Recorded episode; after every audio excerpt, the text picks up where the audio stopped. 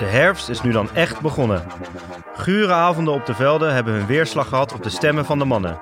Maar door weer en wind hebben Jasper en Benk zich weer richting de studio in Vondel CS gefietst om speciaal voor u een nieuwe lange corner op te nemen. Is Benk ondertussen al lid van HGC en van de Zerbo fanclub? Jasper denkt een idee te hebben wie de bier- en torendief van Kampong is geweest. Daarnaast bespreken we coaches die het lastig hebben. De gele kaart van Gele Canarie Retra en de backhand van de Voogd. Voor Benk stond natuurlijk zijn date op het programma dit weekend. Was dat een succes? Jasper was druk met andere dingen, zoals één punt halen uit twee wedstrijden. Geen best weekend dus. Dit en veel meer vandaag in De Lange Corner.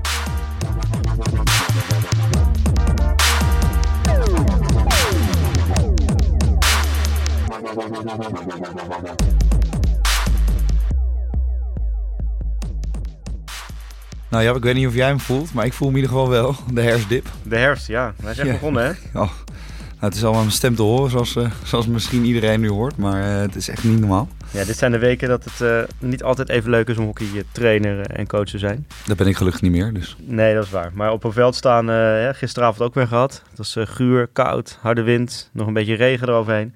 Het zijn niet de leukste, leukste momenten, maar ja, dat hoort er ook bij in de herfst, hè? Ja, dat was echt vreselijk. Hey, hoe, Ja. was jouw, hoe was jouw weekend? Was Ja. het herfstig of was het nog een beetje zonnig? Nou ja, zondag was het eigenlijk nog wel eh, zonnig. En zaterdag trouwens ook. wel. Dit weekend was nog wel oké. Maar eh, ja, het was qua, qua resultaat, qua punten, was het niet zo'n goed weekend voor mij. Ja, daar had ik het ook eigenlijk meer over. Zaterdag, ja, qua punten, wat dat was het herfst inderdaad. Zaterdag verloren eh, van HDM. Vorige week natuurlijk groots aangekondigd hier. Alle lange cornerluisteraars stonden langs de kant met grote spandoeken. Maar het mocht helaas niet, eh, niet baten. Dus 4-2 verloren. Wel door andere resultaten in de pool. Nu zeker van de play-offs voor landelijk. Dus dat is op zich ook wel mooi. Dat was ook het, eh, de doelstelling. Dus daar gaan we ons nu rustig op voorbereiden. En zondag gelijk tegen Allianz. En dat was eigenlijk iets minder dan wat we hadden gehoopt. En speelde ook niet zo goed. Dus het was niet het allerbeste weekend eh, tot nu toe. Wat ik heb gehad op mijn nieuwe club. Nee. Nou, Jouw, voor, eh, jouw weekend? nou, voor jou was het een herfstweekend, voor mij was het een horrorwinter. dat was echt niet normaal. Nee, eh, we hebben vorige week natuurlijk uitgebreid mijn privéleven uitgemeten in de podcast. Vond je moeder ook leuk? Ja, vond ze erg leuk. Ehm, nou, ik was te ziek voor de date. Gelukkig was mijn date ook ziek, dus dat is een voordeel. Kwam weer goed uit. Ja. Misschien komt het ook wel door de date, dat, dat, dat weet je niet. Door de spanning bedoel je? Nou, daar had ik het niet over, maar goed. Ja. Ehm, en voor de rest besloot ik toen ook maar op zaterdagochtend of zondagochtend met 39 graden koortsen op eh, lekker, ehm lekker eraan hockeyen. Wat ook echt een extreem succes was. Slim. Ja. Ja, ik zag mijn tegenstander dubbel lopen. En eh, ik had een paar keer het idee dat ik, eh, dat ik bijna oud ging. Dus eh, voor iedereen die luistert, als je met 39 graden op gaat sporten, blijf gewoon lekker thuis. Ja, blijf lekker in je bed liggen inderdaad. Ja, en nee. zeker als je in Heren 10 zit, kan dat volgens mij gewoon. In Heren 10 kan je heel lang in je bed blijven liggen. Ja. Dat maakt echt niemand wat uit. Nee. Nee. Nou, weer les voor de volgende keer. Ja.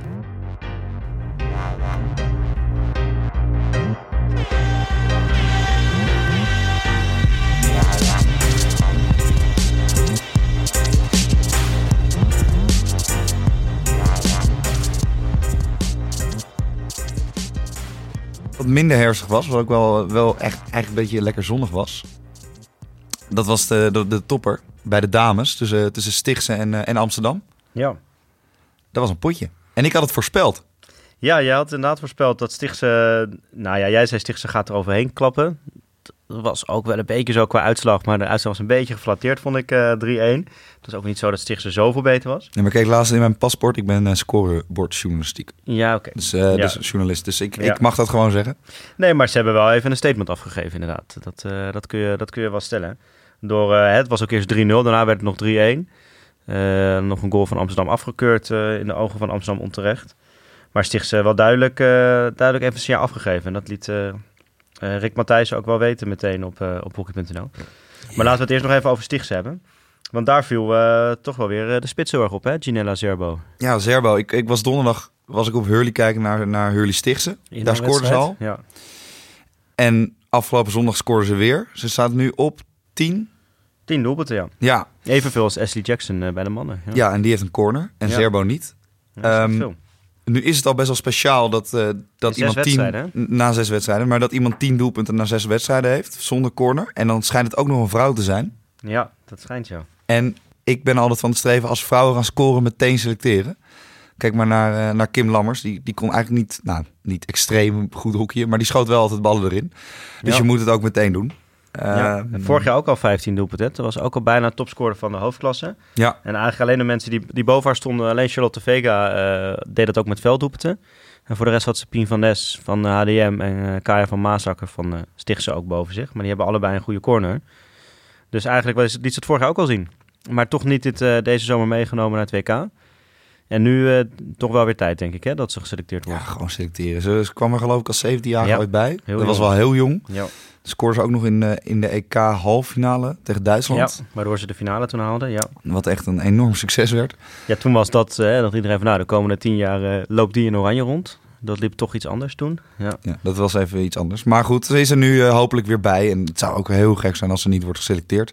Ehm, ja, vrouwen die scoren, die zijn zeldzaam. En die moeten we lekker behouden.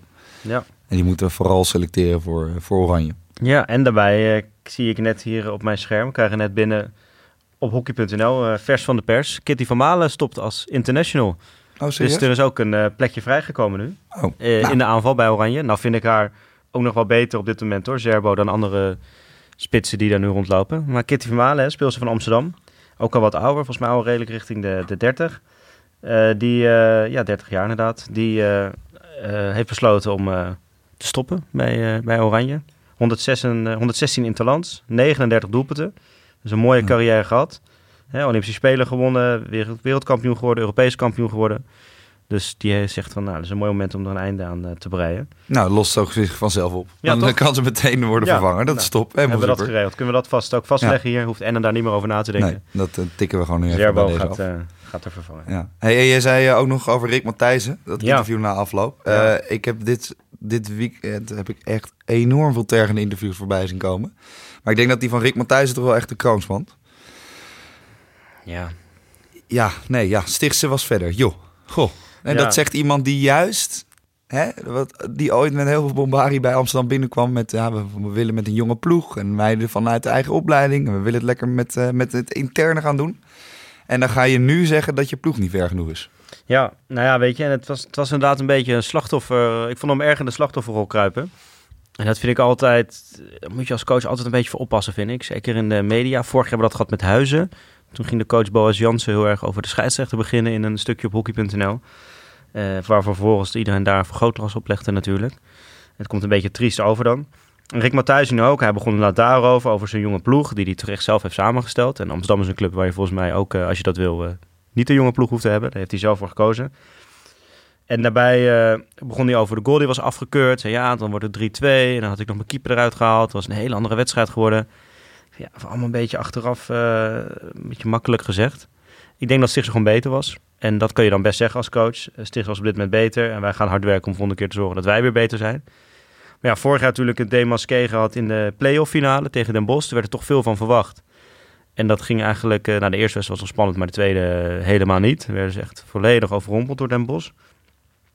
En nu dit seizoen verloren van Den Bosch al, nu verloren van Stichtse. De wedstrijden die ze winnen, zijn, winnen ze krap, maar met één doelpunt verschil vaak. Staan op dit moment niet op een play-off plek, hè, plek 5. Ja, het gaat gewoon eh, niet zo goed daar. Het is nu zijn vierde jaar daar. Heeft daar toch eigenlijk eh, weinig eh, gewonnen. Hij heeft nog nooit wat gewonnen. Nee, ja, dus het lijkt erop dat, die, ja, dat de er daar een beetje uit is. Zeg maar. Vorig jaar hadden ze echt wel het momentum op een gegeven moment. Toen ze eerst werden de competitie, wonnen ze een van de laatste competitiewedstrijden, wonnen ze ook van Den Bosch. Maar dat het momentum is nu wel helemaal, helemaal weg. En dat ligt eigenlijk nu op dit moment een beetje bij Stichtse. Die jij natuurlijk had voorspe- voorspeld als winnaar van de hoofdklasse.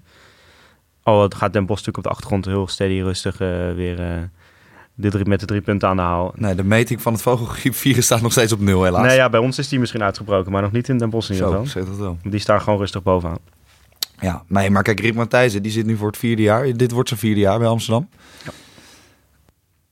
Nou, ik heb het nog nooit gezien eigenlijk. En in het begin was het een beetje hè, de, hippe jonge coach... eh, die natuurlijk een enorme ehm, carrière werd voorspeld. Vanuit, eh, die kwam vanuit Hurley.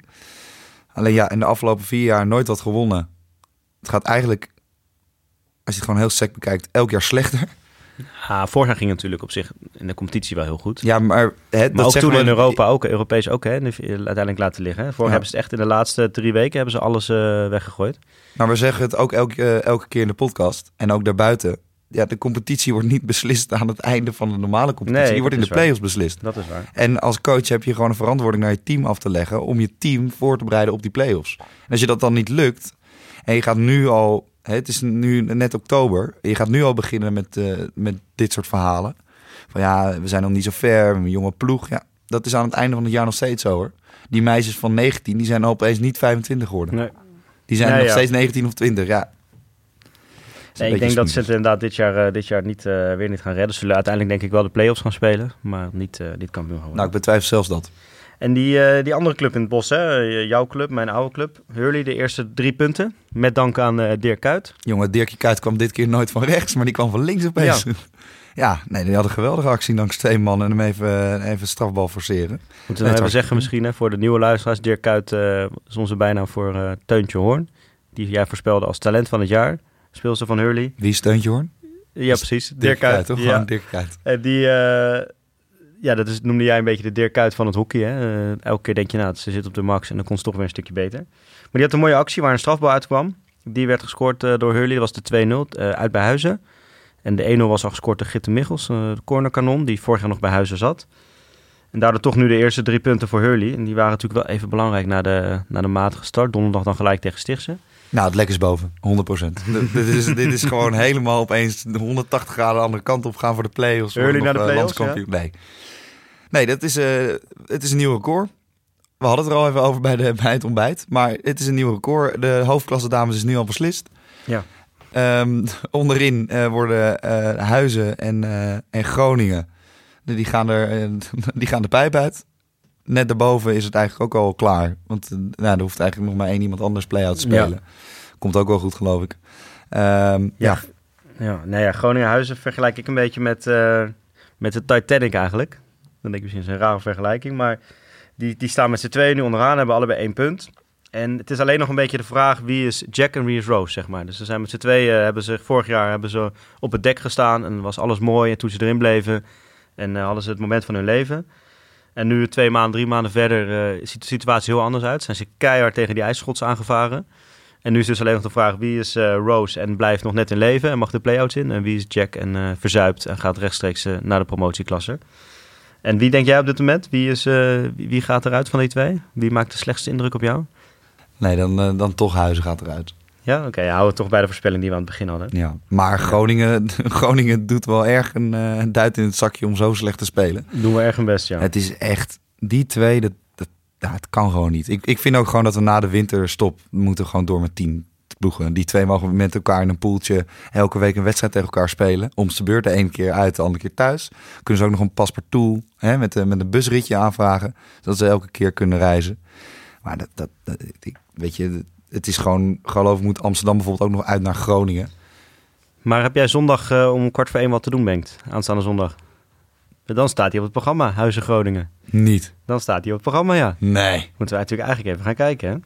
Nou, daar, ga ik, na- daar gaan we naartoe. Dan gaan we onze ogen uit onze Ja, ik moet zelf coachen, maar jij kan er misschien heen. Oh ja, moet ik weer Dan kunnen we er echt een oordeel over vellen wie nou... eh, ja, dan moet je dan wel... Moet je even misschien een paar maatjes eh, meevragen om het vol te houden. Neem ik een van mijn 120 kratten bier weer mee. Maar dat is eigenlijk wel meteen een, eh, een belangrijke wedstrijd, hè? De zespuntenwedstrijd noemen ze dat dan altijd. Dat is, het is pas begin oktober, maar je kan het toch eigenlijk nu al zeggen. Wie die wedstrijd wint, die doet wel een, eh, eh, zet een flinke stap eh, naar in ieder geval play-outs. En niet de directe degradatie. Nou, wie zondag verliest is gedegradeerd in oktober. Ja, dus, dat de competitie tot mei loopt. dus we hebben al voor Ennen opgelost het probleem in de spits bij Oranje. En deze kunnen we nu ook wel eh, vastleggen dan, volgens mij. Ja, en eigenlijk hebben we de kampioen ook al. Al willen we daar nooit aan geloven. Nee, nou ja, Nou, dat was weer enorm enerverend, eh enerverend jaartje wordt het in de hoofdklasse dames. Ja. Waren er verder nog dingen die je opvielen bij de dames dit weekend?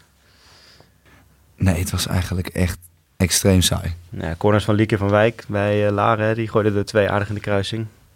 Verdedigster van Ja. Laren, maar Eindelijk ook eh, weer een keer, want dat is ook al een tijdje Ja, dat was even geleden. Ik Ja. was ook al bijna vergeten dat ze daar nog speelden bijna. Hm. Dus, eh, maar goed, uiteindelijk, ja, ze scoort wel twee keer. Dat waren twee goede corners. Ja, hele mooie Keeper corner. van Pinoquet had er niet echt een antwoord op, om het zo maar te zeggen. Dus ja, maar nee, voor de rest was het echt, eh, echt enorm saai. Eh, bekende standen kwamen gewoon weer naar boven. Ja. Ehm, nou ja, Stichtse was dan wel echt heel erg leuk. Maar voor de rest, ja, wat we al zeiden, het is al bij- eigenlijk bijna beslist. En we Ja. moeten nu maar hopen dat er ergens inderdaad een vogelgriepvirus uitbreekt. Dat, eh, dat de bus van Groningen ergens in het weiland het begeeft. En dat, dat het bestuur van HDM of Hurley besluit in de winterstop massaal geld eh, te investeren. Maar ik weet niet of dat eh, Nee. kan. Dat kan ook niet trouwens. Dus dan zijn we al klaar. Ja, Helaas. nou dan moeten we maar snel naar de mannen door. eh. Dat lijkt me een hele goeie.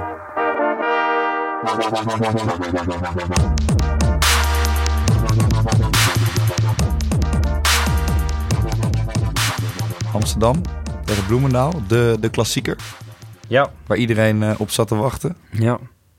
Wat vond je ervan? Ja, het was, het was... Ik vond hem niet heel spectaculair. Ik heb het idee dat vorige week Kampong, eh, of Amsterdam Kampong dat dat spectaculairder was, waar jij toen was.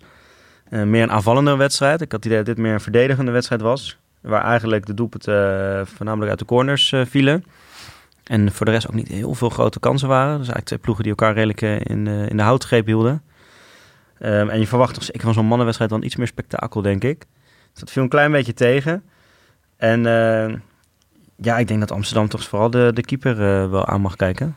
Die zag er niet eh, heel goed uit. Hè? Jan de Wijkersloot, keeper van Amsterdam. Vreselijk.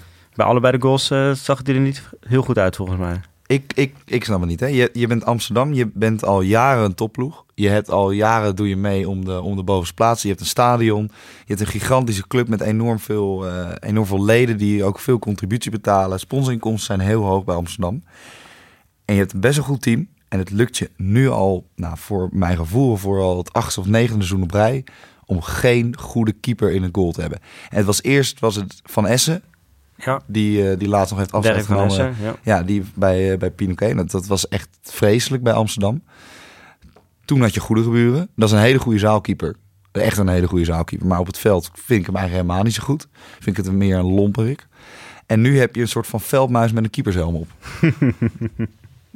De wijk, de? Wijkersloot heeft nul uitstraling. Die jongen, Ja. Als ik spits was en ik zou zien dat de Wijkersloot op goal zou staan...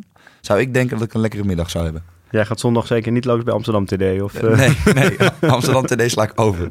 Nee, maar dat kan echt niet. Ik bedoel, nee, zeker die tweede goal zag hij er echt niet goed uit. Die maar je hebt daar spelers zoals Verga, eh, eh, Billy Bakker, wat je er ook van vindt, Rohoff. Eh Pruis heb je daar rondlopen. Jongens met uitstraling, met Ja. kracht, met, Ja. met hè, enorm veel flair. Die, die, die echt eh, het vuur aan de scheen kunnen leggen bij een tegenstander. En dan staat er opeens een veldmuis op goal. Maar echt, eh, die jongen is 1 meter drie, voor mijn gevoel. Nou, aan het eind van de wedstrijd was hij wel tot die lengte gekompen ongeveer. Hè? En ook vorig jaar in de play-offs al, hè? Ook, ook gek gedrag, weet je. Vorig jaar in de play-offs was hij op zich best goed aan het keeper. Pakt hij echt veel corners ook. Maar ik heb hem toen gezien, ook tegen bijvoorbeeld een Bloemendaal. Elke bal die hij stopt, al was het echt een balletje, een, een, hobbelballetje en die wegtrapt. Dan ging hij dan naar het publiek toe juichen en helemaal gek doen. Ik zeg, joh, stop gewoon ballen. Ja. Dat is je beroep, dat is Ja. je ding. Ja. Ik ga er ook niet als spits elke keer als ik een man passeer helemaal juichen. Dat doe ik als ik een goal maak. Ja. Ja, en dat mag hij wel doen als hij zijn, zijn shootouts wint of dat hij een onmogelijke bal pakt, tuurlijk. Mhm. Maar het was, was toen al overdreven. En nu is het nog steeds eigenlijk een beetje gek. Maar ja, als je dit soort ballen doorlaat, ja. dan moet je gewoon de komende tien weken Ja. even heel rustig aan doen in het ja, keeperspakje van je. Aan de andere kant, als je dit soort ballen doorlaat, snap ik ook dat je heel blij bent als je een keer een bal, eh, een bal tegenhoudt. Misschien dat dat dan de reden is waarom die eh, zo aan het juichen was. Ja. Maar ik, Maar ik geef nu even eh, transferadvies aan Amsterdam hierbij. Breaking Oh news voor mij. Van uit, naar Amsterdam toe. Dat doe ik nooit als, eh, als consultant eigenlijk. Maar koop volgend jaar een nieuwe keeper. Ja. Je kan hem niet zelf opleiden, want ik kan even niet zo bedenken wie, eh, wie bij Amsterdam echt eh, in de jeugd Nee. echt een extreem goede keeper Nee. is. Dus Maar wie moet, ze dan, eh, wie moet ze dan gaan halen? Nou ja, ze hebben eigenlijk al een beetje achter het net gevist met, eh met Maurits Visser. Ja, Die hadden ze eigenlijk moeten halen. die is van eh de Bos naar Bloemendaal gegaan hè, deze zomer. Ja, was natuurlijk zat- oud Bloemendaal. zat al bij Ja. Bloemendaal ooit. Dus de vraag is of ze daar echt kans op, eh, op hadden. Ja, ik zou voor, dan, dan zou ik echt voor een internationaal goede keeper gaan. Ja. Ik kan even, ja, je kan Sam van der Ven proberen bij HGC, maar die, ik weet dat Sam daar heel erg lekker zit bij HGC als keeper. Ehm, en die, die spelen ook gewoon heel erg leuk. Ehm, ja, bij Oranje Rood gaat de keeper echt niet weg. Eh, Nee. David Hart blijft echt wel bij Kampong. Eh, of in ieder geval, Ja, als of hij misschien dat als Hiddebrink een heel goed jaar bij Pinoquet heeft, dat dat nog een, eh, een optie is als hij zich verder doorontwikkelt. Ja, maar ik vind bij een club met de statuur van Amsterdam... hoort een keeper van 28 jaar in de goal Ja. te staan... met enorme lengte en Ja. uitstraling. En Heerdebrink is iemand met enorme lengte en ook wel uitstraling... maar hij is nog wel 20. Ja, Nee, dat is waar. Nou ja, dan moeten we er nog even goed, uh, goed over nadenken. We gaan even het scoutingsapparaat uh, in werking stellen komende weken. Ja, dat lijkt me een hele goeie. Hey, ja, jouw, uh, jouw verrassing? Ja, Den Bos. Ik was wel blij eigenlijk met Den Bos. Die, uiteindelijk speelde die gelijk tegen Kampong. Die waren daar niet ja. zelf heel blij mee met het gelijkspel, nee, geloof ik. En het, is, en het is ook een beetje... Ze staan nu toch op plek 7. Dat klinkt heel laag, maar het is omdat het nog best wel dicht bij elkaar zit. Ze stonden wel dicht bij de play-offs. Al is het gaatje nu al vier punten geworden. Dus ze moeten nu wel echt de wedstrijden gaan winnen. Maar eigenlijk hè, spelen Kampong, de, de, kampioen van vorig jaar. Eigenlijk waren ze gewoon beter en uh, hadden ze die wedstrijd, uh, hadden ze die wedstrijd moeten winnen. En het zat eigenlijk een beetje, ja, het was een hele gekke wedstrijd. Hè? Dus wat ik zeg, ze staan voor. En toen gebeurde er eigenlijk vlak voor tijd wat heel raars. De, de aanval van Kampong, die komen op de keeper af. En uh, keeper komt uit. Hè? En die, uh, die Van Doren, keeper Van Doren, Loïc Van Doren, de Belg. En die bij het uitkomen glipt een stick uit zijn handschoen. Dus die valt op de grond. En die bal rolt door. Hij loopt zelf ook door schopt de bal weg en krijgt een gele kaart en de strafcorner tegen. Ja, gele kaart is sowieso vijf minuten met een, met een man minder. En die corner wordt natuurlijk genomen zonder dat er een keeper op goal staat. Dus dan ging nog wel een, uh, een speler met een hesje op staan. Maar ja, die houdt natuurlijk minder tegen dan een, dan een echte keeper. Dus die corner gaat erin, waardoor het gelijk wordt. En natuurlijk heel Den Bos aan het balen en, en, uh, en boos. Maar ik heb zelf ook nog de spelregels nagelezen. In eerste instantie kon ik het niet meteen vinden. Maar er staat, want ik ging meteen bij de keepers kijken. En het is niet een aparte keepersregel. Maar er staat uiteindelijk wel in dat de regel is: je mag niet deelnemen aan het spel zonder een stick in je hand. En dat deed de keeper. En dat was onbewust. Dus uiteindelijk was de gele kaart volgens mij wel terecht, die Thijs Retra, de scheidsrechter, gaf. Maar het zorgde voor heel veel onrust en consternatie bij die wedstrijd. Want eigenlijk kende volgens mij bijna niemand die regel. Niemand kende die regel. Nee. Maar daardoor, daardoor winnen ze eigenlijk die wedstrijd niet. Maar ze deden het eigenlijk hartstikke goed tegen Kampong. Nee, want op een, hè, dat is ook even belangrijk om te zeggen. Bij die actie, de keeper laat aan de rechter... De Van Doorn laat aan de rechter kant zijn stick los. Ja. De bal gaat totaal de andere kant op. Die, die hele stick had niks uitgemaakt voor het spel of de situatie. Hij trapt die bal weg. Vervolgens zie je Kemperman in beeld komen. Die, die wil de bal op de zijlijn gaan leggen. Dus die is, niemand was ook helemaal mee bezig. En opeens Thijs Retra, die de scheidsrechter was... Die fluit opeens keihard, uh, hè, kruisje in zijn arm, hup, Ja. kaartje weer erbij. Nou, bij de bond waren ze allemaal aan het klappen. Ja, maar ja, Bengt, weet je, ik snap, wat je, ik snap heel goed wat je bedoelt. Maar ik, hoor. vind het Van, echt, eh, ik vind het echt belachelijk. Ik vind het echt, weet je, het, deed, het, het had niks met het spel te maken. Kampong appelleerde niet, Den Bos niet. Ja. En het zijn, tegenwoordig zijn het eigenlijk, het zijn allemaal regelgevend boekjes met een geel shirtje aan, die met een fluitje in de mond over die veldjes aan het rennen zijn. Ja, ik, snap, ik snap de emotie. Ik, ik, ik vond het ook. Ik, ik, eerst toen ik het zag, ik kende de regel ook niet. Dus ik, ik vond het eigenlijk ook heel raar. En ik leefde heel erg met Den Bos mee. Maar ja, het is wel gewoon de regel. Je mag niet deelnemen aan het spel zonder je stick. En ik snap het, de stick was aan de andere kant waar hij de bal wegschopt. Ja, hij is wel, neemt wel echt deel aan het spel. Hij schiet die bal gewoon weg. En anders kan die jongen doorlopen en scoren. En wat ik eigenlijk zelf vond, ik vind dan toch een regel is een regel. Dus die moet je naleven. En je, we weten ook gewoon dat scheidsrechters mannetjes van de regels zijn. Of vrouwtjes van de regels zijn.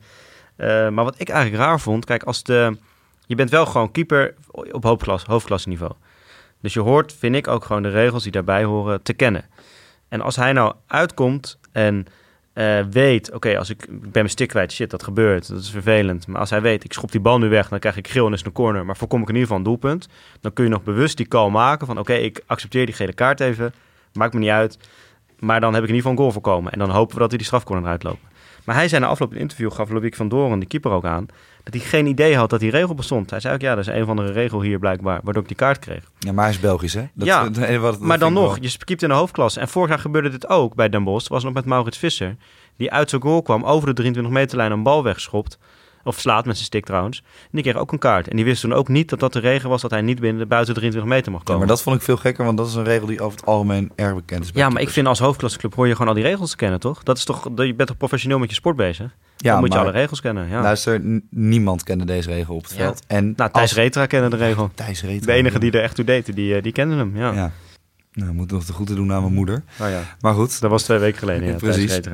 Maar ik vind, a- als hij niet had gefloten en had niet die kaart terug, had niemand Nee, dat is waar. Dat En, is waar. en, en ik ja, bij het- de bond. Dan had hij bij de bond op het matje moeten komen, denk ik, maandagochtend. ja, nou dan had ik als scheidsrechter gedacht, nou dan moet ik maar op het matje komen.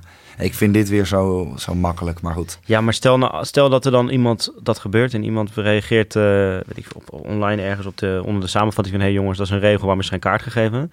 En eh Kampong heeft dat te horen, dan heb je ook eh, shit in de pan.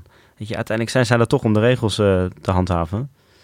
Nou ja, hier komen volgens mij niet uit. Maar ik, eh, ik vond hem ook heel, heel zuur. Maar ja, het was volgens mij wel gewoon een gele kaart in de corner.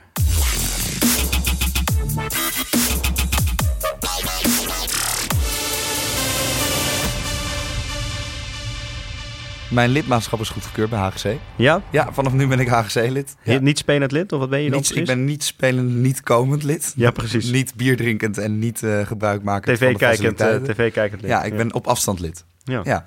Maar die hebben heb weer je- vijf keer gescoord. Horen daar nog voor, voordelen bij dat je dan lid bent? Krijg je dan korting als je daar aan de bar iets bestelt? Ja, of ja, eh, ja. word je uitgenodigd voor, voor de gala's? Hoe, hoe zit nee, je, je bier wordt betaald door Kampong. Ah, kijk. De 120 kratjes om Kijk. precies te zijn. Goeie deal. Ehm, daarnaast hoef je niet op de club te verschijnen. Oké. En niemand hoeft je ook te kennen. En je mag nog één keer in het jaar met Paul van As een hapje eten of zo? Of hoe, eh, hoe zit dat? Eh, nee, met de pet van Paul van As mag je Oh, een ja. hapje Oh, eten. die mag je een keer lenen, ja. Die mag je een keer lenen. Maar voor de rest eh, mag je voor de rest helemaal niks. Maar dat maakt ook niet uit. Maar het was weer genieten, hè, dit Och. weekend HGC. Ja. Vijf doelpunten weer. Ja. Het was weer zo goed. Nou, het was niet... Ik weet, weet je, dat is het lachen. Ik weet niet of het goed is. Weet je, ik denk dat als je het heel erg dood gaat analyseren... dan, dan zijn er heus wel dingen die niet goed gaan daar. Eigenlijk een beetje ook was toen met de Oranje Heren... was toen Paul van As daar bondscoach was. Maar elk, elk potje wat je bij de Oranje Heren toen de tijd ging kijken... en dat was ook zelfs tijdens die WK-finale... die ze met 6-1 van Australië toen de tijd verloren... Er was wel altijd wat aan de hand. Ja. Het was nooit een wedstrijd waarvan dacht... Jezus, wat een Ja. saaie wedstrijd. En Ashley Jackson was weer eh, op schot, hè? Heeft ondertussen Ja. dus ook tien in liggen. De Engelse spits die terug is gekomen van de zomer. Ja. En nu topscorer van hoofdklas. En Tanaka viel me toch ook weer op. Was een beetje een onbekende naam. Eh, bij de voorbeschouwing hebben we het ook nog even eh, van tevoren over hem gehad. Uiteindelijk niet in de, Heel in de podcast toen. Eh, nou, er komen wel vaker buitenlanders naar, eh, naar de hoofdklasse toe. Duitsers zie je vaak, Australiërs, Argentijnen, Spanjaarden. Engelsen komen ook steeds meer. Niet zoveel Japanners voor mijn gevoel eh, geweest. Nee, maar dat heeft wel een specifieke reden geloof ik. Ja. Dat er niet heel veel Japanners Dat, de komen. communicatie loopt volgens mij niet altijd goed. Hè? We hebben dat eh, vorig jaar bij Hurley meegemaakt. Dat is wel een apart verhaal. Toen gaven wij allebei nog training op Hurley. En wij zaten na de training, zoals we toen vaak deden, in het clubhuis nog even een, een klein biertje te drinken. En Heren 1 was tegelijkertijd aan het trainen. En op een gegeven moment, en we hadden al, er liep al een Japanner mee bij Heren 1. Het was aan het eind van het seizoen, dus er komen altijd al nieuwe spelers voor het seizoen erop meedoen. En er liep al een Japanner daar rond. Zo we te kijken, oh wie is dat dan? En eh, nou ja, we hadden geen idee verder. Dus wij gingen maar weer in het clubhuis zitten. En toen kwam eh, de barman, die komt naar ons toe lopen met de telefoon in zijn hand. En die zegt, jongens, eh, ik word gebeld door Schiphol. Dus wij denken, hier wordt wat eh, Schiphol, de landingsroute gaat recht over Hurley. Denk, iemand over heeft ja. vanaf het veld een hockeybal tegen een vliegtuig aangeslagen of zo. Maar dat was het niet. Ja, Schiphol hangt aan de lijn. Eh, er staat een Japanner eh, hier op Schiphol. eh, Bij de Marche bij de voor Hurley. Dus ik zei, ja, oké. Nee, er staat een Japanner op het veld. nee, er staat een Japanner op Schiphol. Nou ja, wij wisten ook van niks. Dus wij zijn maar even naar het veld gelopen. Hebben de manager volgens mij toen erbij gehaald. Eh Renze heet hij. Zei, oh ja, ja, ja. Oh, dan moest er nog een. Maar die zou morgen komen. Oh, is hij er al vandaag al? Dat vind ik denk ik ook. Er komen er twee Japanners bij Hurley meedoen. En die gaan dan niet met z'n tweeën naar Amsterdam toe. Dat is Ook heel raar. Nee, maar Tokio heeft hele gekke vliegverbindingen Ja. met Amsterdam. Dat is Maar, echt heel eh, apart. Uiteindelijk is Renze, die manager, toen dus naar Schiphol gereden. Heeft die, heeft die gozer opgehaald. En die heeft het eigenlijk nog meegedaan. Volgens mij lopen ze op dit moment allebei niet meer rond. Hè? Ze hebben het allebei niet gehaald. Nee, ze hebben het allebei niet gehad. Maar, eh, maar ja, Tanaka dus bij AGC, die laat toch wel hele mooie dingen zien, vind ik. Eh, hele technische speler, scoort nu ook weer. Ik ken hem dus helemaal niet. Maar ja, maar het, kijk, het voordeel van. Tanaka is dat die is gewoon natuurlijk geland op Rotterdam Airport. Kijk, En daar heb je die verwarring niet. Heb je ook Nee, geen Marseillais klein Nee. als dat airportje. Dus Kan je in die kon gewoon lekker meedoen bij AGC. ja. Nee, maar het is wel inderdaad een hele leuke speler. Ja. En we kennen natuurlijk ook de bondscoach van Japan best wel goed. Siegfried Eikman. In ieder Ja. geval, ik ken hem heel goed. ja, ik, ik heb vroeger bij zijn zoon in de klas gezeten, ja. Ja, een hele, hele, hele aardige vent. Een hele rustige vent ook. Altijd, altijd een enorme snor verscholen. En met een, met een buik die eerst de hoek om komt. En dan komt Siegfried de hoek om. Hij enorm mooi vent. Heeft ook laatst gewoon de Asia Games gewonnen. Dus Ja, dat was wel verrassend. Ja, en die gaat. eh, ik denk dat ze het ook heel goed gaan doen eh, bij de Olympische Spelen. Maar dat is wel. het is echt een hele goede speler. Ja, En ehm, ja, weet je, het, het voordeel van zo'n Japannetje is bij je, bij je clubje. Weet je, het is altijd leuk om naar te kijken. Weet je, het geeft iets, toch iets extra's aan je, aan je team. En je kan er niet mee praten, dus ik kan ook niks terugzeggen tegen je als coach. Dus dat is ook voor de heerlijk. scheidsrechter ook lekker rustig. Ook voor de scheidsrechter. Ja, nou, we hebben nu ook een scheidsrechter uit Japan in de hoofdklasse Ja. fluiten. Dus die kunnen elkaar verstaan. Hey, en ehm, vorige week hadden we natuurlijk een bekkentje van, eh, van meneer De Vilder. Ja, Maar meneer De Voogd, daar kan ik even overheen. eh, zo, knetter, hè, die schoot Tot twee keer toe zelfs. zo. Zo, ja, die wist, het was natuurlijk ook al van bekend, hè? Bob de Voogd, speler van Oranje-Rood. eh, aanvaller, middenvelder aanvaller. Was natuurlijk ook wel van bekend dat hij een goede, goede backhand heeft. Maar dat liet hij ook wel weer even zien hoor, dit weekend. Zo, eh ging echt hard, hard het dak in. Zou die zijn moeder nog hebben opgebeld? Ja, dat, dat verhaal gaat hè, over Bob de Voogd. Dat hij is ook al international natuurlijk een tijd. Is dat hij eigenlijk elk groot toernooi dat hij met Oranje op pad is. Of het nou een WK of Olympische Spelen of een HWL in, eh, in India of Zuid-Afrika, waar het ook is. dat hij elke dag zijn moeder even gaat bellen. Dat is natuurlijk een echte, echte Brabo. Onbegrijpelijk. Echt eh, gezelligheid hè, bij ons thuis, met ons mam. En dan gaat hij elke, elke avond eh, belt hij met zijn moeder. En dat zorgt toch soms ook wel een klein beetje voor irritatie bij de andere spelers van Dennis af. Die dan denken, jezus jongen, we zijn eh, net twee dagen hier in India. Moet je nou nu alweer voor de derde keer met je moeder gaan bellen? maar wij hebben We dat zijn toch, toch met hockey bezig? Kom wij op. hebben dat toch hetzelfde ook. eh, Hè, wij, wij hebben best wel veel, vaak tripjes naar het buitenland gehad als coaches. En we zijn naar Milaan geweest en allemaal dat soort dingen. En, eh, en we zijn ook wel eens een keer hè, op, eh, op, op toernooi geweest. Maar dat zijn toch juist de momenten dat je even niet naar thuisfront gaat bellen. Ja. Dat is juist lekker om, om lekker even met, met de mannen gewoon op stap te gaan. En Ja. naar, naar obscure tent om half vijf is, s'nachts te eh, lopen in Milaan. Het is een beetje een moederskindje, denk ik. Dat mag ook natuurlijk. Maar dat zorgt wel eens voor irritatie bij andere internationals. Ik snap het even niet. En was het op een gegeven moment denk ik ook wel geaccepteerd hebben. Maar dat uh, ja, verbaasde mensen wel over bij Oranje. Ja, dat ah, heel dat gek. gebeurde. Inoké, jouw, uh, onze aardsvijand. Maar uh, waar je die stiekem Ah. wel hebt getipt als, als verrassing. Ja. Deed weer goed, hè? Gewonnen van Almere. En nieuwe, ook daar een buitenlandse speler. Alex, uh, Alec Hendricks uit uh, België. Goeie, goede strafcorner, maakt twee doelpunten. Dan is het nog de vraag of Pasja Galeman, de coach van Almere, misschien tegen hem heeft gezegd dit weekend... Uh, Ja. je moet je team op sleeptouw nemen, in plaats van tegen zijn eigen spelers. Tip inderdaad voor Pasja. Hij zegt alleen maar van Ja. je moet nu je team op sleeptouw nemen tegen je eigen ploeg. Want anders gaat namelijk het andere team Ja. doen. En dat is wel inderdaad heel erg belangrijk. Maar nee, Pinoquet, ik heb het al gezegd. Weet je, ze stonden een beetje onderaan met qua punten. Mhm. Ze, ze deden niet heel erg mee. Maar ehm, ze gaan nu echt wel voor plek 8. Ze staan nu geloof ik gedeeld eh eh, Ja, achtste. dat assen met Met KZ, en uh, Almere. Ja. Ja, en ik denk uiteindelijk ook dat ze achtste gaan worden. Want Den Bosch is al eigenlijk bijna niet meer in te halen. Ik had ze eigenlijk hopelijk gehoopt op een plaatje hoger nog. Ja. Maar wat Jesse Milieu ook in het eh, interview na afloop zei... is dat hij gewoon dit jaar gewoon een, stabieler, eh, stabielere ploeg heeft. Ja. En dat is echt te zien. ja, die Hendricks, ook denk ik in het hockey wel, maar zeker ook met die corner. Dat is wel, ze hebben veel ook jonge jongens daar. Dus wel een wat oudere jongen, die zegt- zorgt echt wel voor stabiliteit. Ja. En eh, nou ja, we hadden net over Jesse Milieu gesproken, hè, de coach, oud-international ook. We hadden net al Rick Matthijssen met de clichés, maar het was inderdaad sowieso het weekend van de clichés Ja. van de trainers. Want Jesse had ook Jesse, nog een mooie. eh, dit is even van mij naar jou toe, even persoonlijk bericht. Als jij nog één keer zegt, en dan ga ik hem even letterlijk quoten. Ja. Elke keer dat we verliezen, komt de overwinning dichterbij, zegt. Dan wordt Pinoquet per direct uitgeschreven Ja. uit de hoofdklasse. Want dat kan echt niet. Weet je, en je zei, hij zei het wel met een glimlach, dat moet ik wel eerlijk zeggen. Maar dit soort teksten en ook dat, dat, eh, dat, dat slachtofferrolletje van Rick Matthijs. Ik weet niet wat er met die interviews aan de hand is bij die hoofdklasse coaches. Maar misschien moeten we allemaal met z'n een keer op perstraining. Doen we gewoon een persdagje. Gaan we gewoon met z'n allen hier in de studio zitten, doen we even oefeningen. Maar dat, dat soort teksten kunnen gewoon echt niet. Nou ja, volgens mij merk je dat ze... Want aan de ene kant, weet je, bijvoorbeeld in het voetbal heb je al die coaches en spelers krijgen mediatraining inderdaad. Maar ja, daardoor komt er ook niet zoveel zinnigs meer uit. En volgens mij zie je in het hockey dat ze dan toch een beetje nog zitten te schipperen. Dus aan de ene kant hebben ze dat dan heel veel gezien en denken ze... oh ja, dat is dus blijkbaar hoe je als coach een interview moet geven. Aan de andere kant zijn het ook vaak gewoon wel leuke mensen... die leuke teksten hebben bu- buiten de kamer om... willen dat er ook een beetje laten zien. Nou, combineer dat nog met de, de flutvragen die de mensen van hockey.nl aan ze stellen. Ja, en dan krijg je dit soort interviews volgens mij, weet je, waar gewoon... eh, ja, waar eigenlijk niet naar te luisteren is. En ik moet eerlijk zeggen dat ik ze eigenlijk over het algemeen ook, eh, ook eh, oversla. Ik had deze toevallig wel gehoord, inderdaad. Hè, wat Jesse Milieu zei. Elke keer als we verliezen, komt de overwinning dichterbij. Zit op zich een kern van waarheid in, maar het was wel onwijs, eh, onwijs cliché, ja. Nou, maar ik vind ook, hè, als je naar al die interviews nu kijkt, dan snap ik heel goed dat Ajax gewoon een persvoorlichter heeft Ja. en dat er een mediatraining wordt gegeven. ja. Want anders krijg je dus dit soort antwoorden en dit soort vragen. En Ja, of je krijgt, eh, moet je nog wel een persvoorlichter hebben die dat een beetje in de hand kan houden. Ik weet niet of jij de documentaire Voetbal als Oorlog dit weekend nog hebt gezien. Of de trailer daarvan, dat ging over Achilles, hè, Achilles 29, de amateurclub die, eh, die profclub wou worden.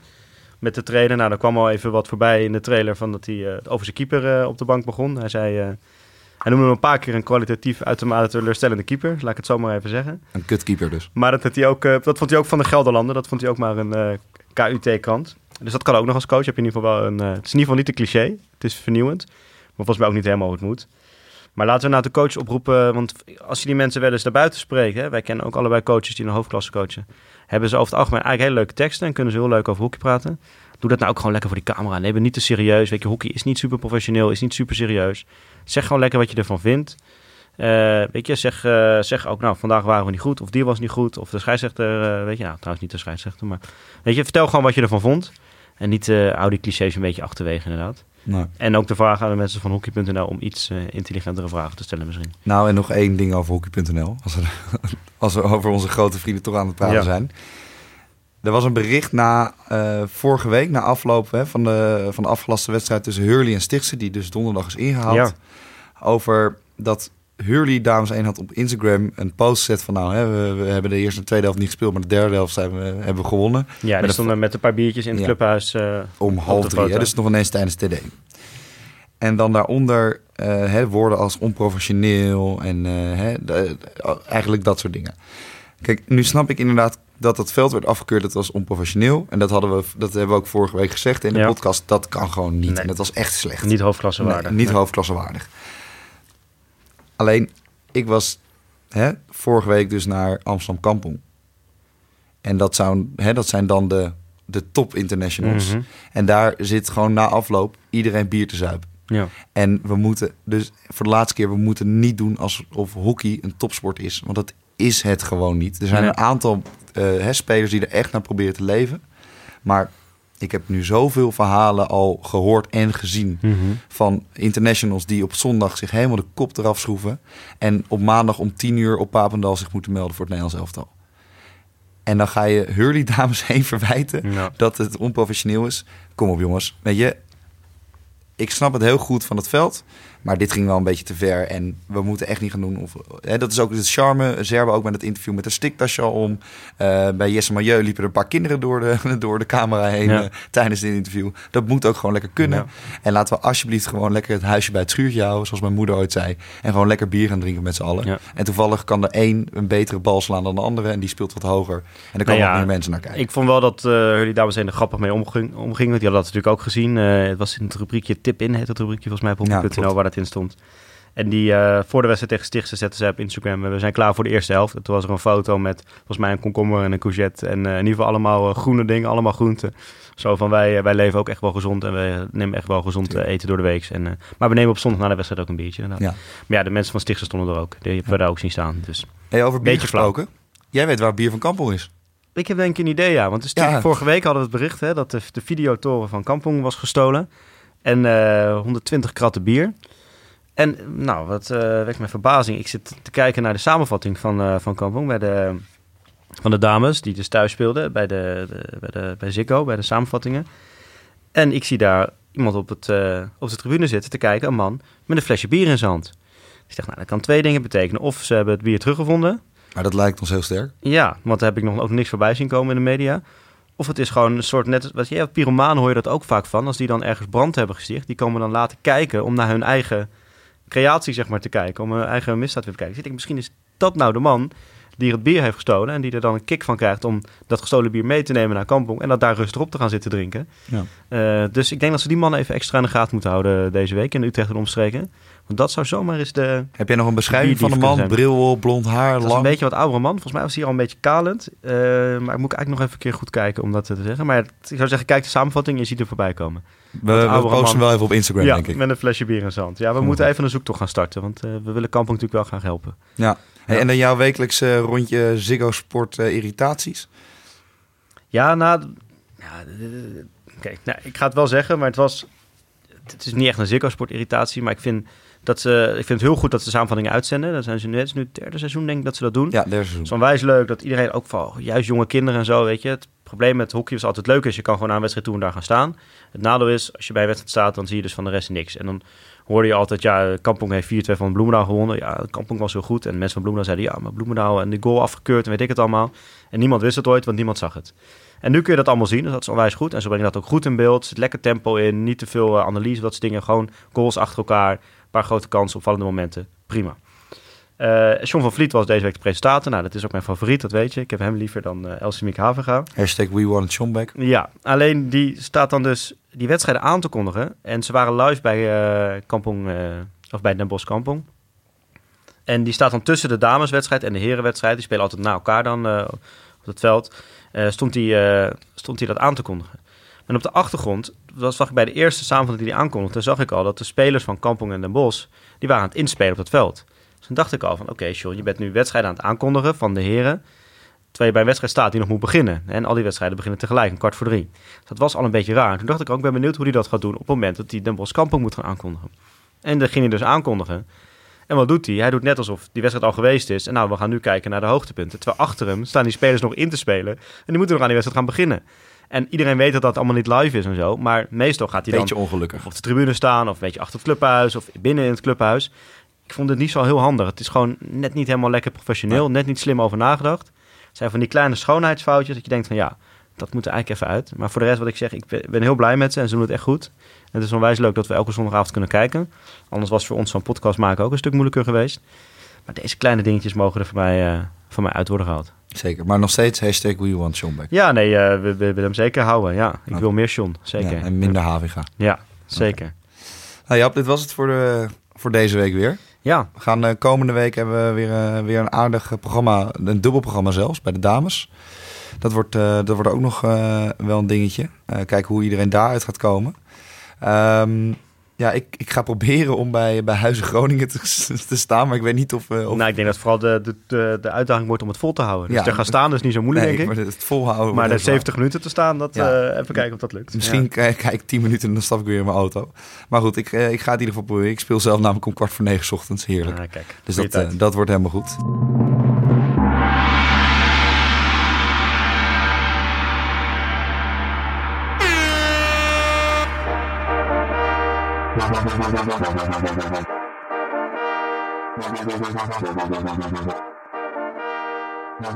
Heb je zaterdagavond nog plannen of eh, ga je op tijd naar bed? Ben je zo iemand die dan toch wel op tijd gaat slapen voor zijn wedstrijd zondag? Nou, het ligt een beetje aan wat er, eh, wat er qua privépunten allemaal zaterdagavond... Ah, natuurlijk. maar dat, eh, dat zien we dan Houden in de gaten. Ja, zeker. Hey, vergeet je, vooral voor de luisteraars, hè, vergeet je niet te abonneren via iTunes. Laat ook even een sterrenrating achter, want het gaat al best wel goed. We zijn nu al eh, 16 eh, sterrenratings verder, allemaal 5 sterren op eentje naar 4. Ik weet ook precies wie die vierde was. Ja, weet je wie dat Ja, is? Jesse Martens. Oké, die gaan we even, En die kennen we even langs van de week. Is natuurlijk niet de bedoeling. Nee, maar die deed dat expres. Dus mensen alleen een rating geven als je 5 sterren geeft. Anders mag je hem uh, achterwege laten. Precies. Ja. John van Vliet, als je dit luistert, we vinden je een topper. Geef Ja. 5 sterren. Nee, en laat ook inderdaad even een review achter. Gewoon een geschreven stukje tekst. Ja. We hebben er meer dan alleen die van Bengt. Dat zou ook lekker zijn. Ja. Dat zou zeker lekker zijn. En voor de niet-Apple mensen, eh, de Lange Corner is ook te vinden nu via verschillende Android-apps en platformen. Ja. Eh, en ook via algemene platformen zoals, eh, zoals Pocketcast. Mhm. Dus daar kan je hem ook gewoon op vinden. En tegenwoordig als je ook op Google zoekt, we zijn zo beroemd aan het worden dat we gewoon bij de eerste hit staan. Dus dat komt helemaal goed. Ehm, ja, en volg ons ook gewoon eh, gedurende de week hè, via Instagram en Twitter, de Lange Corner. En stuur vooral je vragen daar ook naartoe. Ja. Eh, ik krijg- al best wel wat vragen gewoon face-to-face.